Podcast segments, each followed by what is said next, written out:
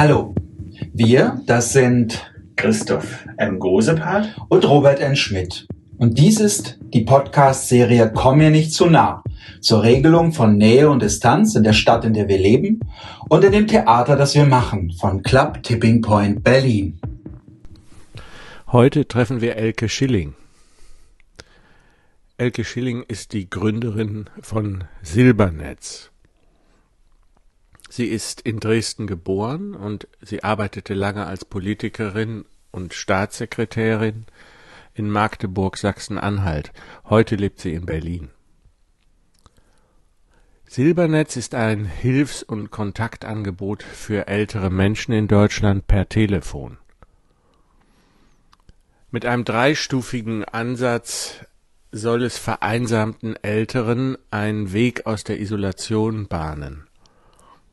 Es ermöglicht eine anonyme Kontaktaufnahme über eine Telefonhotline, den schrittweisen Wiederaufbau persönlicher Verbindung durch ehrenamtliche sogenannte Silberfreunde sowie die Vernetzung zu zahlreichen Angeboten im Umfeld der älteren Leute und ihrer unmittelbaren Nachbarschaft. Silbernetz wurde zunächst in Berlin aufgebaut und erprobt und ist seit dem 16. März 2020 bundesweit erreichbar. Die Macher von Silbernetz sagen, Einsamkeit trifft viele ältere Menschen und sie schleicht sich oft unmerklich in ihr Leben ein. Aber Einsamkeit kann krank machen, und je länger sie andauert, desto schwerer wird es, den Weg hinauszufinden. Firmen uns abgesagt hatten, dass sie eben das mit der Hotline nicht machen können, nicht leisten können. Ja. Und dann haben wir also ein ja. Video, das ist heute noch auf unserer Webseite, das hat eine wunderbare Videofilmerin für uns ehrenamtlich gedreht zum Thema Einsamkeit mit einer ganz bezaubernden alten Frau aus dem Hansa-Ufer mit einer Petition, wo wir gefordert haben, dass hier in Deutschland äh, endlich Zahlen, Daten und Fakten zum Thema Einsamkeit im Alter geliefert werden, weil ich bin immer abgefrühstückt worden ja. damit, das ist in England ein Problem, in Deutschland ja. ist alles ganz anders. Vor allem über 85 haben Sie ja gesagt, ne? oder so da? Es, oder, ist, es ja. ist generell so, jeder zehnte alte Mensch hat gelegentlich ein Einsamkeitsgefühl. Das gibt sogar das Deutsche Zentrum für Altersfragen zu. Und jenseits der 85 haben wir nur so punktuelle Studien. Da haben wir eigentlich keine schlüssige Rundum-Aussage, weil der deutsche Alterssurvey, der ja die zweite Lebenshälfte hier in Deutschland beschreibt, endet bei 85. Ach ja, ja. da fehlen einfach mal ganz schlicht 20 Altersjahrgänge, gut gerechnet oder 30, je mhm. nachdem. Der ja. älteste ist ja 117 geworden. Ja. Unsere älteste Anruferin ist 105 gewesen. Ah, bis jetzt. Ah, also, ähm, genau, und, und es war also für uns, für uns ganz wichtig, da Zahlen, Daten, Fakten dazu zu kriegen, die hier in Deutschland damals überhaupt noch nicht existierten. Damit wir belegen können, es wird gebraucht. Ja. Und dann haben wir dieses, diese, diese, diese Petition gestartet, wo wir den Gesundheitsminister angesprochen haben und die Familienministerin in Bezug auf den Alterssurvey. Ne? 85 ist nicht das Ende des Lebens, da gibt es noch eine dritte Lebenshälfte. genau. Und das ist als, als, als Bonbon obendrauf dieses Feiertagstelefon, wo wir vom 24.12. 8 Uhr morgens bis zum 1.1. 8 Uhr abends rund um die Uhr an zwei Telefonleitungen gesessen haben und Anrufe entgegengenommen haben. Und mhm. das war durch diese Petition und auch durch die, durch die, durch die äh, durch das Video und die Presse, die wir dazu gekriegt hatten. Also da, damals hat uns DPA ganz großartig unterstützt, indem sie das wirklich in alle Welt gestreut haben, unsere, unsere Auftragsveranstaltung. Da hat sich das auch gelohnt. Wir hatten in diesen acht Tagen um die 300 Anrufe. Und das ist für so einen Kaltstart, wo erst drei Wochen vorher was bekannt gegeben wird, super Zahlen. Und das hat damals dafür gesorgt, dass also ähm, diverse Medien dann beim Gesundheitssenat nachgefragt hat, ob das Silbernetz jetzt ähm, arbeiten darf oder ob ja. äh, die Förderung eingestellt wird. Ja. Die wurde nicht eingestellt. Und dann, es gab uns dann aber die Luft, selber eine Idee zu entwickeln, wie wir das mit dem Callcenter machen. Weil mit Firmen klappt das hier in Deutschland bis dato nicht. Gibt keine sozialen Callcenter. Unsere Callcenter hier sind auf drei Minuten und Verkauf und ähm, Beratung eingestellt, aber nicht auf Zuhören. Und unser Motto ist ja einfach mal reden. Für die, die niemanden zum Reden haben ja. in der Gruppe 60 plus. Genau, ja. und dann haben wir Ganz am Anfang 2018 haben wir den, den wunderbaren Tipp gekommen, ge bekommen, guckt doch mal in den Jobcentern nach. Wir haben hier in Deutschland jede Menge schwerbehinderte Menschen, die eigentlich nicht vermittelbar sind, von denen aber ein guter Teil Empathie hat, Intelligenz hat, Bereitschaft hat, sich mit alten Menschen zu unterhalten, aber die normale Callcenter-Arbeit eher scheut, weil die herzlos ist und schwierig und äh, einen Menschen, der gesundheitlich nicht gut imstande ist, äh, nicht so gut zu leisten. Und dann haben wir uns mit dem Jobcenter Lichtenberg in Verbindung gesetzt und die haben uns dann im Herbst 2018 unsere ersten fünf Arbeitskräfte geschickt. 100% finanziert, weil als kleiner Verein kann man das nicht, Arbeitskräfte bezahlen. Finanziert dann von wem? Vom Jobcenter. Ach, vom Jobcenter. Also, Das sind, das sind die sogenannten äh, Eingliederungshilfen für schwer vermittelbare. Da gibt es, wie gesagt, den Paragraphen für die Schwerbehinderten. Und es gibt seit zwei Jahren den Paragraphen für die Langzeitarbeitslosen, den 116, haben Sie vielleicht schon mal was von gehört. Das ist auch eine fünf Jahre Förderung. So, Einstieg 100 Prozent für die ersten zwei Jahre und dann degressiv bis zum fünften Jahr. Und wir hegen immer noch den großen Optimismus, dass es uns dann gelingt, wenn unsere Beschäftigten das fünfte Jahr dann hinter sich haben und sich gut entwickelt haben, dass wir sie behalten können und weiter beschäftigen können, weil wir bis dahin die Finanzierung fürs Klar haben.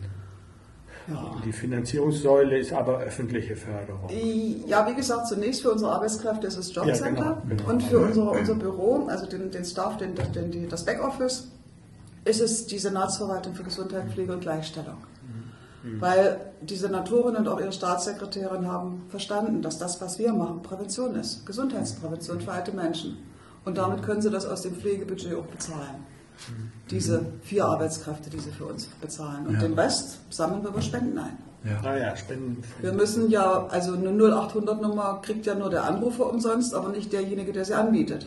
Wir haben richtig heftige Telefongebühren für unsere 0800-Nummer und dafür sammeln wir Spenden. Und bis jetzt haben wir es immer noch geschafft. Ah, das wusste ich gar nicht. Also dass die Bereitstellung der Nummer kostet dann Ja, den ja, ja. Anbieter Geld. Also es gibt einen Provider, ne, der dann diese Ruf, die, das, was über diese Rufnummer ankommt, auf die Nebenstellen verteilt, die wir bereitstellen. Und wir sind hier, hier sind es vier Nebenstellen, die wir haben, also vier Anrufpunkte. Und wir haben ähm, im, im, im Homeoffice haben wir noch weitere 40 Menschen, die im Prinzip sich jederzeit zuschalten können. Weil wir mussten ja mit Corona ins Homeoffice gehen, ne? weil Schwerbehinderte, Risikogruppe, ne? Zunächst hat uns Frau Schäbli sehr geholfen, die sagte, nee, ihr macht nicht zu, ihr seid Risiko, ihr seid äh, systemrelevant. Weil die alten Menschen, die jetzt alle zu Hause sitzen müssen, egal ob sie fit sind oder nicht, brauchen ja Ansprechpartner. So, und damit hat sie gesagt, hat sie uns die Luft verschafft, dass wir drei Wochen Platz hatten, ähm, unsere Leute alle entsprechend auszustatten, damit sie zu Hause mit dem Telefon arbeiten können. Ja. Und hier sind jetzt nur noch zwei Arbeitsplätze über Tag besetzt. Da können wir die Abstände gewährleisten und die Leute, das sind die Leute, die zu Hause kein Internet haben. Die müssen dann hier arbeiten. Und die machen es gerne. Da es ja nur tagsüber ist. Weil unsere Zeit ist eigentlich von 8 bis 22 Uhr. Stehen wir an der Leitung, rund um die Woche. Ja. Also toll, toll erstmal, dass Sie, dass Sie so, äh, genau, dass Sie Zeit für uns haben. Ja, sehr gern. Ja. Also, äh, ja, wir sind heute zu Gast bei Frau Elke Schilling, Gründerin von Silbernetz und Vorsitzende von Silbernetz e.V. Ne? Sie haben vorhin gesagt, Sie wollen sich dann ein bisschen mehr aus dem Alltagsgeschäft jetzt ein bisschen zurückziehen. Aber Sie haben ja dieses tolle Projekt wirklich angeschoben. Seit wann gibt es das? Also die Idee wurde 2014 geboren. Wir haben, also 2014 war ich im Frühjahr in England, habe mir die dortige Silverline Helpline angeguckt, die genau das leistet, was wir leisten wollten.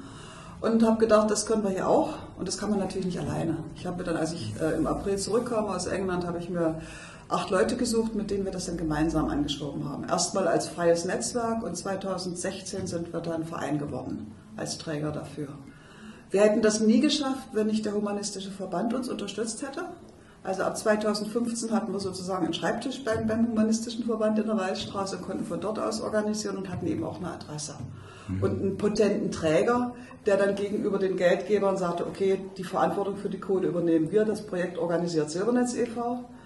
Und so sind wir dann gestartet. Ja. Also wir haben 2017 dann haben wir Lottomittel gekriegt das erste Mal, genau. Und das, wie gesagt, wäre fast gescheitert, weil die beiden Callcenter dann ausgestiegen waren. Und ab 2018 Frühjahr ist dann die Senatsverwaltung für, eine, für ein halbes Jahr eingesprungen, bis die nächste Lottoförderung gegriffen hat. Das heißt, wir waren bis August 2020 hatten wir die Lottoförderung für unsere Mitarbeiter. Und von da an ist es jetzt wirklich mit einer Festfinanzierung die Senatsverwaltung für Gesundheit, Pflege und Gleichstellung, die unsere vier Arbeitskräfte finanziert. Also sprich Ja. ähm, Öffentlichkeitsarbeit, Leitung, Finanzen und, ähm, und, und Ehrenamt. Ja. Ja. Genau. Wir sind, ein, wir sind ja ein Audioformat. Vielleicht jetzt mal eine ungewöhnliche Frage. Wie klingt Einsamkeit? Leer, tonlos. Oder es sind die Stimmen unserer Anrufer, die, die, die also ganz unterschiedlich, die sich melden und sagen, äh, guten Tag, ich habe Ihre Rufnummer jetzt hier seit drei Wochen liegen und ich habe mich nicht getraut anzurufen. Und jetzt wage ich es einfach mal. So, und das sind die Pausen im Gespräch, das ist diese zögerliche Stimme und diese Botschaft, ich habe mich drei Wochen lang nicht getraut, obwohl ich das Bedürfnis habe. Oder es ist die alte Dame, die uns fast jeden Morgen anruft und sagt, ich habe jetzt hier meinen Kaffee hingestellt, mein Brötchen und meine Pillen liegen aufsortiert hier und ich brauche jetzt noch drei nette Worte, damit ich anfangen kann. So klingt Einsamkeit, ne? Mhm. Kann Das man sagen, ge- ja? ja, das ist einfach dieses, dieses, dieses Bedürfnis, wahrgenommen zu werden. Das für jemand, der allein ist, nicht gestillt werden kann. Für Ja. jemand, der unfreiwillig allein ist. Ja. Ja, und diese, oder viele alte Menschen sind ja unfreiwillig allein. Wir sind ja in, in Europa sozusagen der, der Gipfelstürmer in Sachen alleinwohnende alte Menschen. Und, äh, und überhaupt Single-Wohnungen. Hier in Berlin sind wir Weltmeister, glaube ich. Und das muss nicht zur Einsamkeit führen.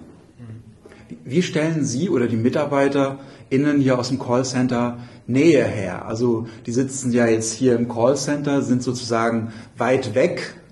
Äh, und äh, wie, wie, wie stellt man Nähe her, obwohl man äh, fern voneinander ist? Also erstens mal damit, dass wir uns mit einem Namen melden.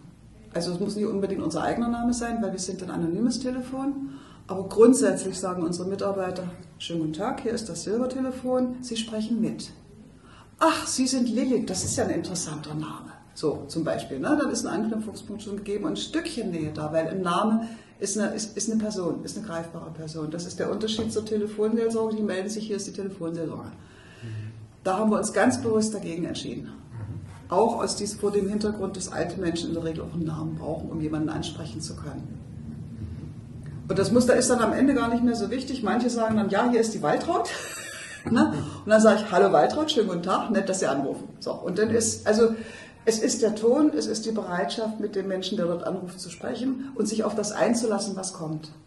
Das stellt Nähe her. Ich, ich denke, das ist für die, für die Leute von den aufsuchenden Diensten immer nicht vorstellbar, weil die sagen, man braucht das Gegenüber, man braucht den persönlichen Kontakt, um in Nähe zu kommen.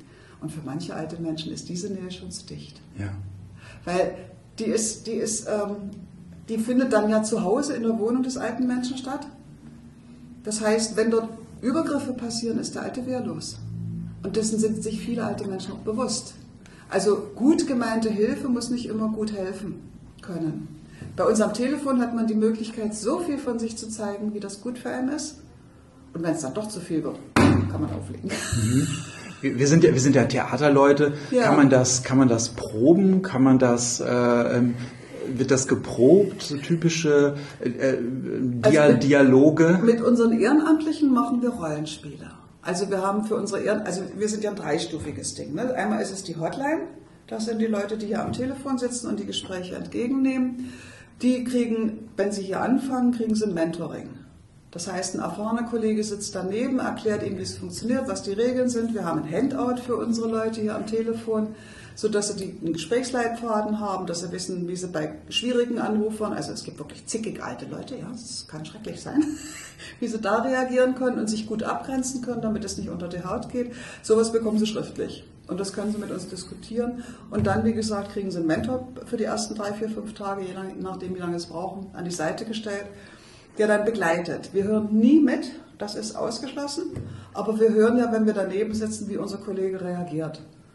So, Also wir, nach- wir, wir sind dann die anderen, meinen Sie? also oder? zum Beispiel Frau Rohrsdorf, der Sie jetzt beim Reinkommen begegnet sind, die macht im- in der Regel dieses Mentoring für neue Kollegen. Achso, der Mentor hört nicht Ja. mit, meinen Sie? Okay. Der Mentor hört auch nicht mit. Okay. Also ich hätte technisch die Möglichkeit, weil ich auch ins System reinkomme.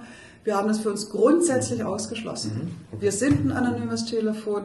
Äh, da gibt es schon immer so ein bisschen äh, Stolpergeschichten, weil wir natürlich mindestens für die Berichterstattung von unserem Provider auch Rufnummern geliefert bekommen. Mhm. Aber wir wissen natürlich nicht, wer hinter der Rufnummer steckt. Mhm. So, also von daher bleibt es anonym. Und das ist eine absolute Verpflichtung und das ist die Sicherheit für unsere Anrufer. Die können uns sonst was erzählen, wir glauben es ihnen. Wenn es ihnen hilft, ist es doch gut. Es muss nicht unbedingt wirklich so dramatisch sein. Also das ist das, ist, ähm, das Gefühl des Anrufenden, dass, er, dass ihm zugehört wird. Ja. Sind es mehr Dialoge oder mehr Monologe? Alles da. Also es gibt Leute, die, die, die, die melden sich und dann reden sie los. Und reden. Und reden. Und reden. Und, und die Kollegin sitzt dann da und sagt, hm und ja. Soziale Grundslaute nennen wir das, ne? damit das Gegenüber merkt, da ist jemand am Telefon. Aber mehr Platz ist auch gar nicht in solchen Gesprächen. Und nach 17 Minuten sagt die Kollegin, holt sie tief Luft und sagt, ich muss Sie jetzt mal ganz kurz unterbrechen und Ihnen sagen, ähm, weil wir so viele Anrufe haben, müssen wir Gesprächszeiten begrenzen. Also nach 20 Minuten müssen wir dieses Gespräch beenden. Sie können ja gerne morgen wieder anrufen. Ah ja. mhm. So, das müssen wir machen. Ja. Sonst, also es ja. gibt Leute, das war die Erfahrung der ersten drei Monate, es gibt Leute, die fressen schamlos Zeit. Tatsächlich, ja? ja. Also in den ersten drei Monaten, als ich dann anfing, endlich mal nachzurechnen, was passiert, habe ich festgestellt, dass 10% der Anrufer 30% der Zeit fassen. Und dann bin ich eingeschaltet. Interessant. Mhm. Ja, das war schon äh, sehr erstaunlich. Ich meine, die Kollegen haben es natürlich auch berichtet, dass es welche gibt, die, die finden kein Ende. Aber das war so, das wird ja wirklich erst greifbar, wenn man es in der Statistik hat. Mhm. So, dass ich dann sage, oh Gott, das geht gar nicht. Mhm. Ja. Weil da fallen andere hinten runter, die, die einfach nicht durchkommen. Weil mhm. wir haben immer begrenzte Kapazitäten, auch, auch, auch äh, drei bis zehn Leute, drei bis zehn Leitungen sind manchmal nicht genug und manchmal sitzen die Leute rum. Also wir wissen nicht, wann Spitzenzeiten sind. Die Leute rufen an, wenn sie anrufen. Das ist eine Erfahrung in allen Callcentern. Mhm. Entweder Rappes und die Leitungen laufen heiß oder man sitzt rum und kann Statistik machen oder sowas. Also das ist bei uns ganz genauso. Aber wir versuchen einen guten Schnitt zu haben, dass wer uns anrufen will, auch eine Chance hat, mit ein, zweimal Anrufen auch durchzukommen. Ja. Und, und das gewährleisten wir über diese Redezeitbeschränkung. Mhm. Und die Menschen sitzen dann zu Hause natürlich, weil sie, weil sie auch nicht mehr so viel rauskommen. Wie weit nutzen denn alte Menschen überhaupt noch die Stadt? Also naja, wir hatten ja nun gerade Corona-Lockdown. Ne? Da hatten wir von April letzten Jahres, von März letzten Jahres an plötzlich eine Sorte alte Menschen am Telefon, die nie auf die Idee gekommen wären, bei uns anzurufen. Weil Theater, Kino, Treffen, Freunde, Bekannte, Verwandte, Begegnungsstätten, Initiativen, sonst was. War ja von jetzt auf gleich alles weg.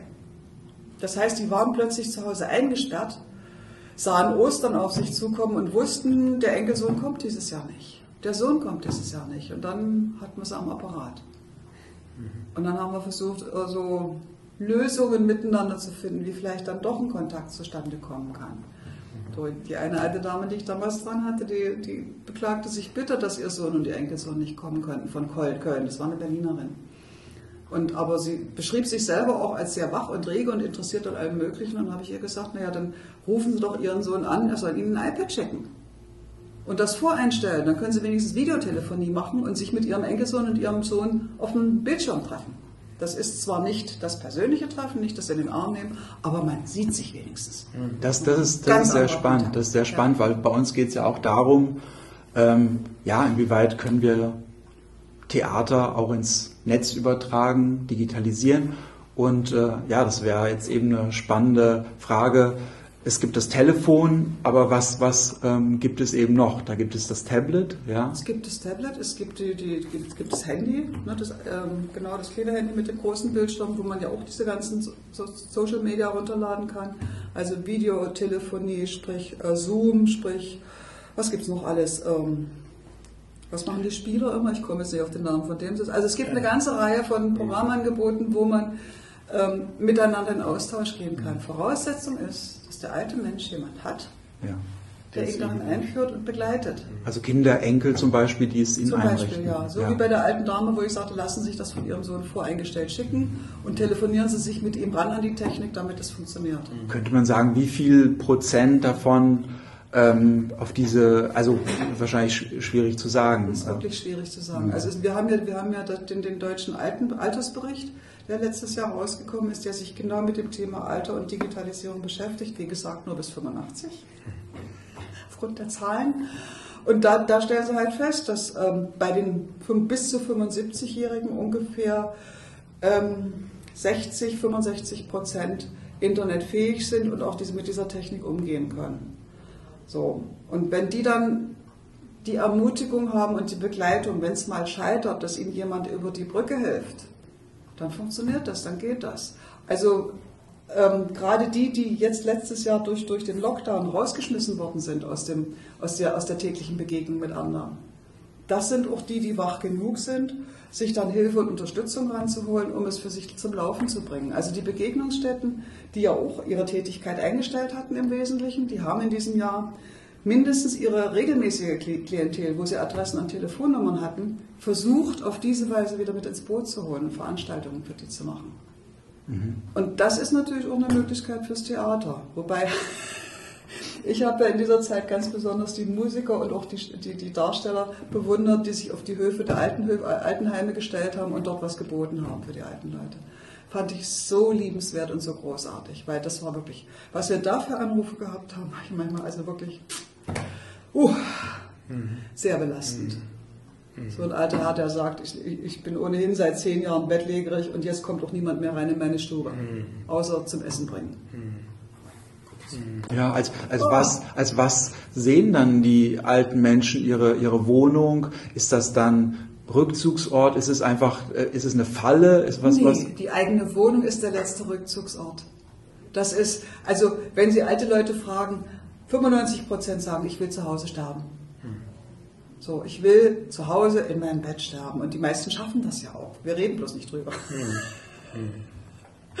Weil wir haben diesen Fokus auf die, auf die unbezahlbaren Geschichten, sprich Pflegeproblem, mhm. sprich äh, Kosten für Multimorbidität und den ganzen Kram. Und ja, ein Menschen, der pflegebedürftig und äh, zu Hause gepflegt wird, kostet natürlich auch Geld. So, aber die 105-Jährige, die hier angerufen hat und gesagt hat, hey, ich bin heute, vorhin sagte die Kollegin, ich hatte heute eine Anruferin von 97, sagte, so eine liebenswerte alte Dame. Oh, das war so lustig, das Gespräch. Die hat mir gesagt, ihre Tochter ist jetzt in Urlaub, die hat ihr ins Handy einprogrammiert, die Rufnummer vom Silbernetz und die von der alten Freundin. Und wenn sie sich alleine fühlt, soll sie da anrufen. Also hat sie bei uns angerufen, hat sich Bon unterhalten. Also wenn es die Kinder und die Verwandten organisieren, kann das alles funktionieren. Aber die 105-Jährige, die uns anrief, die hatte nur ihren Sohn, der einmal im Monat die Rente brachte, 80, und die Treppen kaum schaffte, die vier zu ihr nach oben. Ne? So, und ansonsten hatte sie niemanden und war aber bärenstolz darauf, dass sie sich alleine bewirtschaftet. Also sie geht für sich einkaufen, sie holt sich die Dinge, sie organisiert sich die Dinge. Das Einzige, was sie nicht hinkriegt, ist das Fensterputzen. Und da hat sie halt bei der Pflegekasse angerufen, ob sie nicht wenigstens die Pflegestufe 0 kriegen kann. Und hat die Pflegekasse gesagt, nö, sie sind zu gesund dafür. Mhm. Oh! Also solche Geschichten, die sind immer faszinierend für uns. Mhm. Weil das sind Bilder, die, die sind nicht im Alltag vorhanden von alten Menschen. Wir lernen am Telefon wirklich die, die Vielfalt der Alten von vorne bis ja. hinten kennen. Ja, viele, viele Geschichten erfährt man auch nicht. Ja. Sie haben ja auch nee. gesagt, dass es diese Zahlen nicht gibt. Ja. Sie haben ja auch mal gesagt, glaube ich, auf der Webseite, dass man irgendwann so im Alter so unsichtbar wird. Ja, ja. Naja, ich äh, meine, unsere Leistungsgesellschaft bestimmt sich aus Leistung.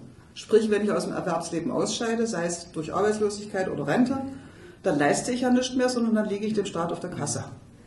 Ist zwar ein beschissenes Bild, weil es stimmt nicht. Ich habe als Rentnerin eingezahlt dafür, dass ich eine Rente kriege. Aber ich bin, ich, es ist für, für, für diese Leistungswelt nicht vorstellbar, dass ich einen Wert habe. Und damit bin ich aus. Und ich habe meine, verliere meine Kontakte, die ich durchs Berufsleben, Berufsleben habe. Ich bin als Rentnerin, ein Stück weit stehe ich vor der Aufgabe, meinen Wert selbst zu definieren. Und da wir ja in einem Land der Altersdiskriminierung leben, also mein Lieblingsbeispiel dafür ist die 87-Jährige, die vor mir stand und sagte, ich, ich bin nicht alt. Ich gehe auch in keine Begegnungsstätte, weil das sind bloß alte Leute und die reden nur über Krankheit. Woher soll diese alte Dame dann wissen, dass es in dieser Begegnungsstätte Möglichkeiten gibt, sich mit, sich mit anderen Leuten, und zwar quer über die Altersklassen, zu organisieren und Dinge zu unternehmen, die interessant sind und die eben nicht reden über Krankheit sind? Wüsste nicht. Dieser, diese, diese Brille auf das Alter als was absolut nicht erstrebenswertes versperrt all das. So, und von daher, genau. Ähm, wie sind wir jetzt auf die Altersdiskriminierung gekommen? Ich bin so- Diese, Sicht, diese, diese Die sichtbar, unsichtbar, die Unsichtbarkeit. Unsichtbarkeit. Unsichtbarkeit. Das heißt also, einerseits sind sie gesellschaftlich unsichtbar, weil der Wert bestimmt sich nicht mehr aus Arbeit, die Kontakte durch die Arbeit verschwinden und andererseits machen sie sich selber unsichtbar, weil sie eigentlich nicht alt sein wollen. Sie versuchen ihr Leben irgendwie zu organisieren, so am besten unabhängig und niemanden um Hilfe bitten und das ist, das ist so, ich meine, ich kann es verstehen, dass die, die, die Autonomie bis ins hohe Alter ein absoluter Schatz ist. So, und dass, dass alles das, was Vaterstaat an Hilfen bereitstellt, ähm, so kommuniziert werden muss, dass eine Wahlfreiheit besteht. Also hier in Berlin gibt es eine, gibt's eine wunderbare Geschichte, das sind, die, das sind die Besuchsdienste der Bezirksämter. Wenn Menschen 85 werden, dann schreibt das Bezirksamt diesen Menschen an und sagt, wir würden gern gratulieren kommen, wir schicken ihnen Ehrenamtlichen, sind sie damit einverstanden? Ein Drittel der Angeschriebenen reagiert überhaupt gar nicht. Weil da ist es dieses Ding, fremde Leute kommen in meine Wohnung, gucken sich hier um. Ich kann ja selber gar nicht mehr richtig gucken. Ich weiß ja gar nicht, wie viel Staub da hinten in der Ecke liegt, aber die sehen das. Nee, das will ich nicht. Ach so. Oder dieses, ich kann denen nichts anbieten, weil, wie denn? Also, Ja, das Thema Vertrauen, ne? Ist da das ist das Thema. Vertrauen. Das ist aber auch dieses Thema von, ähm, dass diejenigen, die sich Leistungen für Alte ausdenken, ähm, es nicht mit den Alten reflektieren. Was wollen sie, was brauchen sie, was können sie annehmen? Wo ist eine Grenzüberschreitung, dass meine Autonomie als alter Mensch verletzt wird? Dass ich sage, nee, lieber krepiere ich hier allein in meiner, in meiner Wohnung, als dass ich irgendjemand Fremdes reinlasse. Weil das ist, das ist grenzüberschreitend. Die, die, die Schwelle ist die, der eigenen Wohnung ist die letzte Grenze, die so ein alter Mensch hat. Und das höre ich auch, wenn sie frisch ins Altersheim gekommen sind, dass sie sagen, ey, ich habe ja null Verfügung mehr über mich selber. Ich bin von vorne bis hinten nur durchgeregelt. Also wofür lebe ich eigentlich noch? Ich kann nichts mehr selbst bestimmen. Also das ist, genau, deswegen, Ja. sie wollen alle zu Hause sterben, ich auch. Ja. Aber Sie sorgen ja dafür natürlich auch über Silbernetz, dass diese, dass diese Geschichten sichtbar werden. Wir sorgen auf der einen Seite dafür, dass solche Geschichten sichtbar werden und auf der anderen Seite versuchen wir natürlich unseren Anrufern zu vermitteln, was es an Diensten für sie gibt und geben ihnen die Rufnummern in die Hand. Weil das gibt es ja noch, wie gesagt, Internet und diese, unsere Informationsphilosophie, die sagt, alte, alle Menschen müssen ins Internet und sich dort informieren können, können Alte nicht. Je älter, desto weniger. Ähm, Das heißt, es gibt ein absolutes Informationsdefizit bei alten Leuten. Sie wissen nicht, was es gibt für sie. Und dann können sie es auch nicht in Anspruch nehmen. Wenn sie aber bei uns am Telefon hören, also sie kommen nicht zum Arzt, wissen Sie, es gibt da bei Ihnen in der Nähe einen Mobilitätshilfedienst. Das ist die Rufnummer. Rufen Sie an. Und dann können die am Telefon, wie gesagt, aus der sicheren Distanz aushandeln, was sie wollen und was sie können. Da kommt keiner hin und sagt so und so, sondern sie handeln am Telefon aus. Und das ist dieses Stück Freiheit, dass wir mit unserer, mit, also wir sind Türöffner im Prinzip für die ganzen aufsuchenden Dienste. Ja. Sie, Sie haben ja jetzt, ähm, Sie sind ja bundesweit Jetzt mittlerweile. sind wir, ne? seit einem Jahr sind wir, Ja. seit über einem Jahr sind wir bundesweit. kriegen ja. Sie natürlich auch ähm, schon auch ein bisschen so einen Eindruck über, naja, Gesamtdeutschland ein bisschen. Ja. Ist es, ist es, ähm, ist man auf dem Land anders einsam als in der Stadt, in der Großstadt? Ja, natürlich. Also wenn ich mich mit, also wenn ich nur drei Nachbarn habe und mit zwei habe ich mich verkracht, dann ist verdammt wenig Kontakt möglich. Ne? Also ähm, es gibt natürlich soziale Strukturen im ländlichen Raum, die tragen. Da gibt es einen Gemeinderat oder Leute in der Gemeinde, die sich sozial verpflichtet fühlen, die dafür sorgen, dass keiner zurückbleibt. Da gibt es wunderbare Beispiele. Aber es gibt eben auch das Gegenteil, gerade hier so, denke ich, so im, im, im, im Speckgürtel rund um Berlin, wo so ein lebhafter Zu- und Wegzug ist von jungen Leuten, die hier in Berlin keine Wohnung kriegen. Und die, äh, das sind wieder so gegenseitige Ver- Verhinderungsgründe. Also wer fremd in so eine kleine Kommune kommt, ist erstmal fremd und wird nicht per se angenommen. So, und ist damit aber auch außen vor und diskriminiert und kann die Hilfsbereitschaft, die er eigentlich äußern möchte, gar nicht an die, an die Leute bringen. So, also das ist, und wenn dann die alteingesessene Dorfbevölkerung halt untereinander nicht einig ist, dann, dann sind das eben, dann ist es eine schreckliche Form von Einsamkeit. Und es kommt das hinzu, dass sich im ländlichen Raum die Versorgungsstrukturen in den letzten 30 Jahren nahezu aufgelöst haben. Also es gibt den Konsum nicht mehr, es gibt das Kino nicht mehr, es gibt die Kneipe nicht mehr.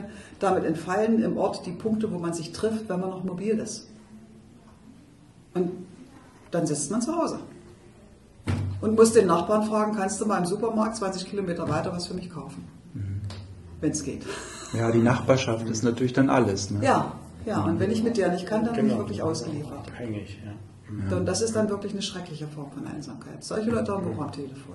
Und das ist, also ähm, wir wir sind ja sowohl bei der Silbernetzfreundschaft als auch am Telefon anonym. Aber wenn wir eine Silbernetzfreundschaft anknüpfen, also einen Ehrenamtlichen an einen alten Menschen für diesen wöchentlichen Anruf vermitteln, müssen wir hier im Büro die Daten dieses alten Menschen erfassen. Und wenn dann der Silbernetzfreund nach, nach, nach einiger Zeit anruft und sagt, ey, mein alter Mensch ist aus dem Kontakt gegangen, ich weiß nicht, was da los ist, ich habe Sorge um ihn, dann ist es ein Stück weit unsere Pflicht, nachzugucken, was ist da los. Das heißt, wir rufen die Hilfsstrukturen vor Ort an und sagen, also könnten Sie mal gucken, was dort bei Frau Meier los ist. Die haben wir jetzt seit 14 Tagen nicht mehr im Kontakt gehabt. Die war aber immer interessiert an ihrer Silbernetzfreundschaft. Und dann kriegen wir auch eine Rückmeldung. So, und das, also der, das netteste Beispiel dieser Art ist für mich die, die Silbernetzfreundin, die, sagte, ich, die, die mich morgens anrief und sagte, ich, wir hatten gestern Abend unser Gespräch, ich sollte heute Morgen anrufen, damit, es war Winter, Schnee draußen, und sie führt ihren Hund in den Garten. Und ich erreiche sie jetzt nicht. Ich habe Angst, die liegt im Schnee und erfriert. Dann habe ich sofort dort in der Kommune angerufen und drei Stunden später kriegt man den Bescheid, alles in Ordnung. Und sie hat sich sehr gefreut, dass wir uns gekümmert haben. Klar, man geht natürlich auch so eine Beziehung. Es ein, ist, ja. es ist ein Stück weit eine Beziehung und es ist auch, ähm, also im Rahmen der Möglichkeit auch ein Stück weit eine Verantwortung ähm, bei, bei, bei, bei Gefahr für Leib und Leben. Das sagt ja direkt das Gesetz. Bei, bei Gefahr für Leib und Leben besteht eine Verpflichtung zum Handeln. Das heißt, wir rufen die Feuerwehr oder die Polizei an notfalls oder eben die örtlichen Hilfestrukturen, wenn wir vermuten müssen, dass dort Gefahr für Leib und Leben vorliegt. Und ansonsten wahren wir die Anonymität. Wir sagen unseren Silbernetzfreunden, mach am besten eine Vereinbarung, was du tun sollst, wenn du deinen alten Menschen nicht erreichst zum vereinbarten Termin. Und dann gibt es so Nachbarn oder Freunde oder Hilfsstrukturen vor Ort, wo man dann sich melden kann und dann gucken kann. Oder der alte Mensch sagt, pass auf, wenn ich mich nicht melde, dann bin ich tot und das ist gut so. Gibt's auch. Also wir haben ganz radikale alte Herren gerade, das sind häufig die Männer, die so, so, so absolut rigoros auch entscheiden. Alles drin. Ja, das ist natürlich dann auch, dass dann, klar, ein Partner, Partnerin stirbt und dann ist man allein und wie, wie gehen die ähm, alten Menschen mit dieser fehlenden Nähe oder auch fehlenden Körperlichkeit um? Weiß ich nicht. Hm. Weiß ich nicht. Wird darüber geredet, über Kann Körperlichkeit? durchaus sein, dass darüber, ich habe es noch nicht am Telefon gehabt. So zärtlich, dass man, dass einem die, die sozusagen äh, die, die, die Berührung fehlt und solche Dinge. Äh, naja, das sind, das sind so die Geschichten, aber das ist, geht im, Grund, im Grunde genommen uns allen so jetzt in dieser Corona-Zeit. Wo ich auch mit einer Anruferin durchaus mich darüber unterhalten kann, dass ich also wirklich mal gerne wieder jemanden in den Arm nehmen möchte. Und das gut verstehen kann, wenn sie das Bedürfnis auch hat. So, also das ist, das ist, da, da ist eine offene Rede, aber Sexualität ist kein Thema am Thema. Es sei denn, es ruft ein Sexanrufer an, die haben wir auch. Ja? Ja, die werden gesperrt. Brutal. Das ist nicht unsere Klientel. ja. Ach wirklich, die, ja. Die rufen überall an, wo es kostenlos ist.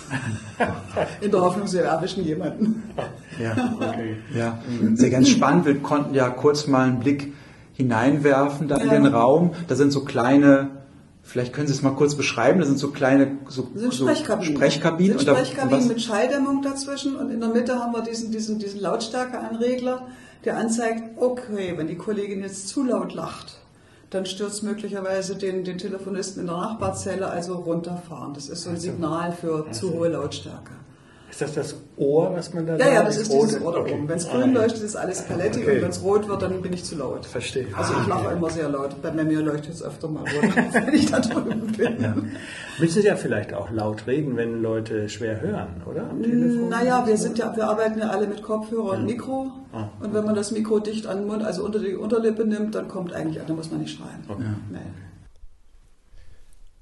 An dieser Stelle unterbrechen wir das Interview jetzt. Die zweite Hälfte des Gesprächs mit Elke Schilling stellen wir euch in Kürze vor. Wen es interessiert, die Website von Silbernetz e.V. findet ihr unter www.silbernetz.org. Und dies ist die Podcast-Serie Komm mir nicht zu nah zur Regelung von Nähe und Distanz in der Stadt, in der wir leben und in dem Theater, das wir machen von Club Tipping Point Berlin.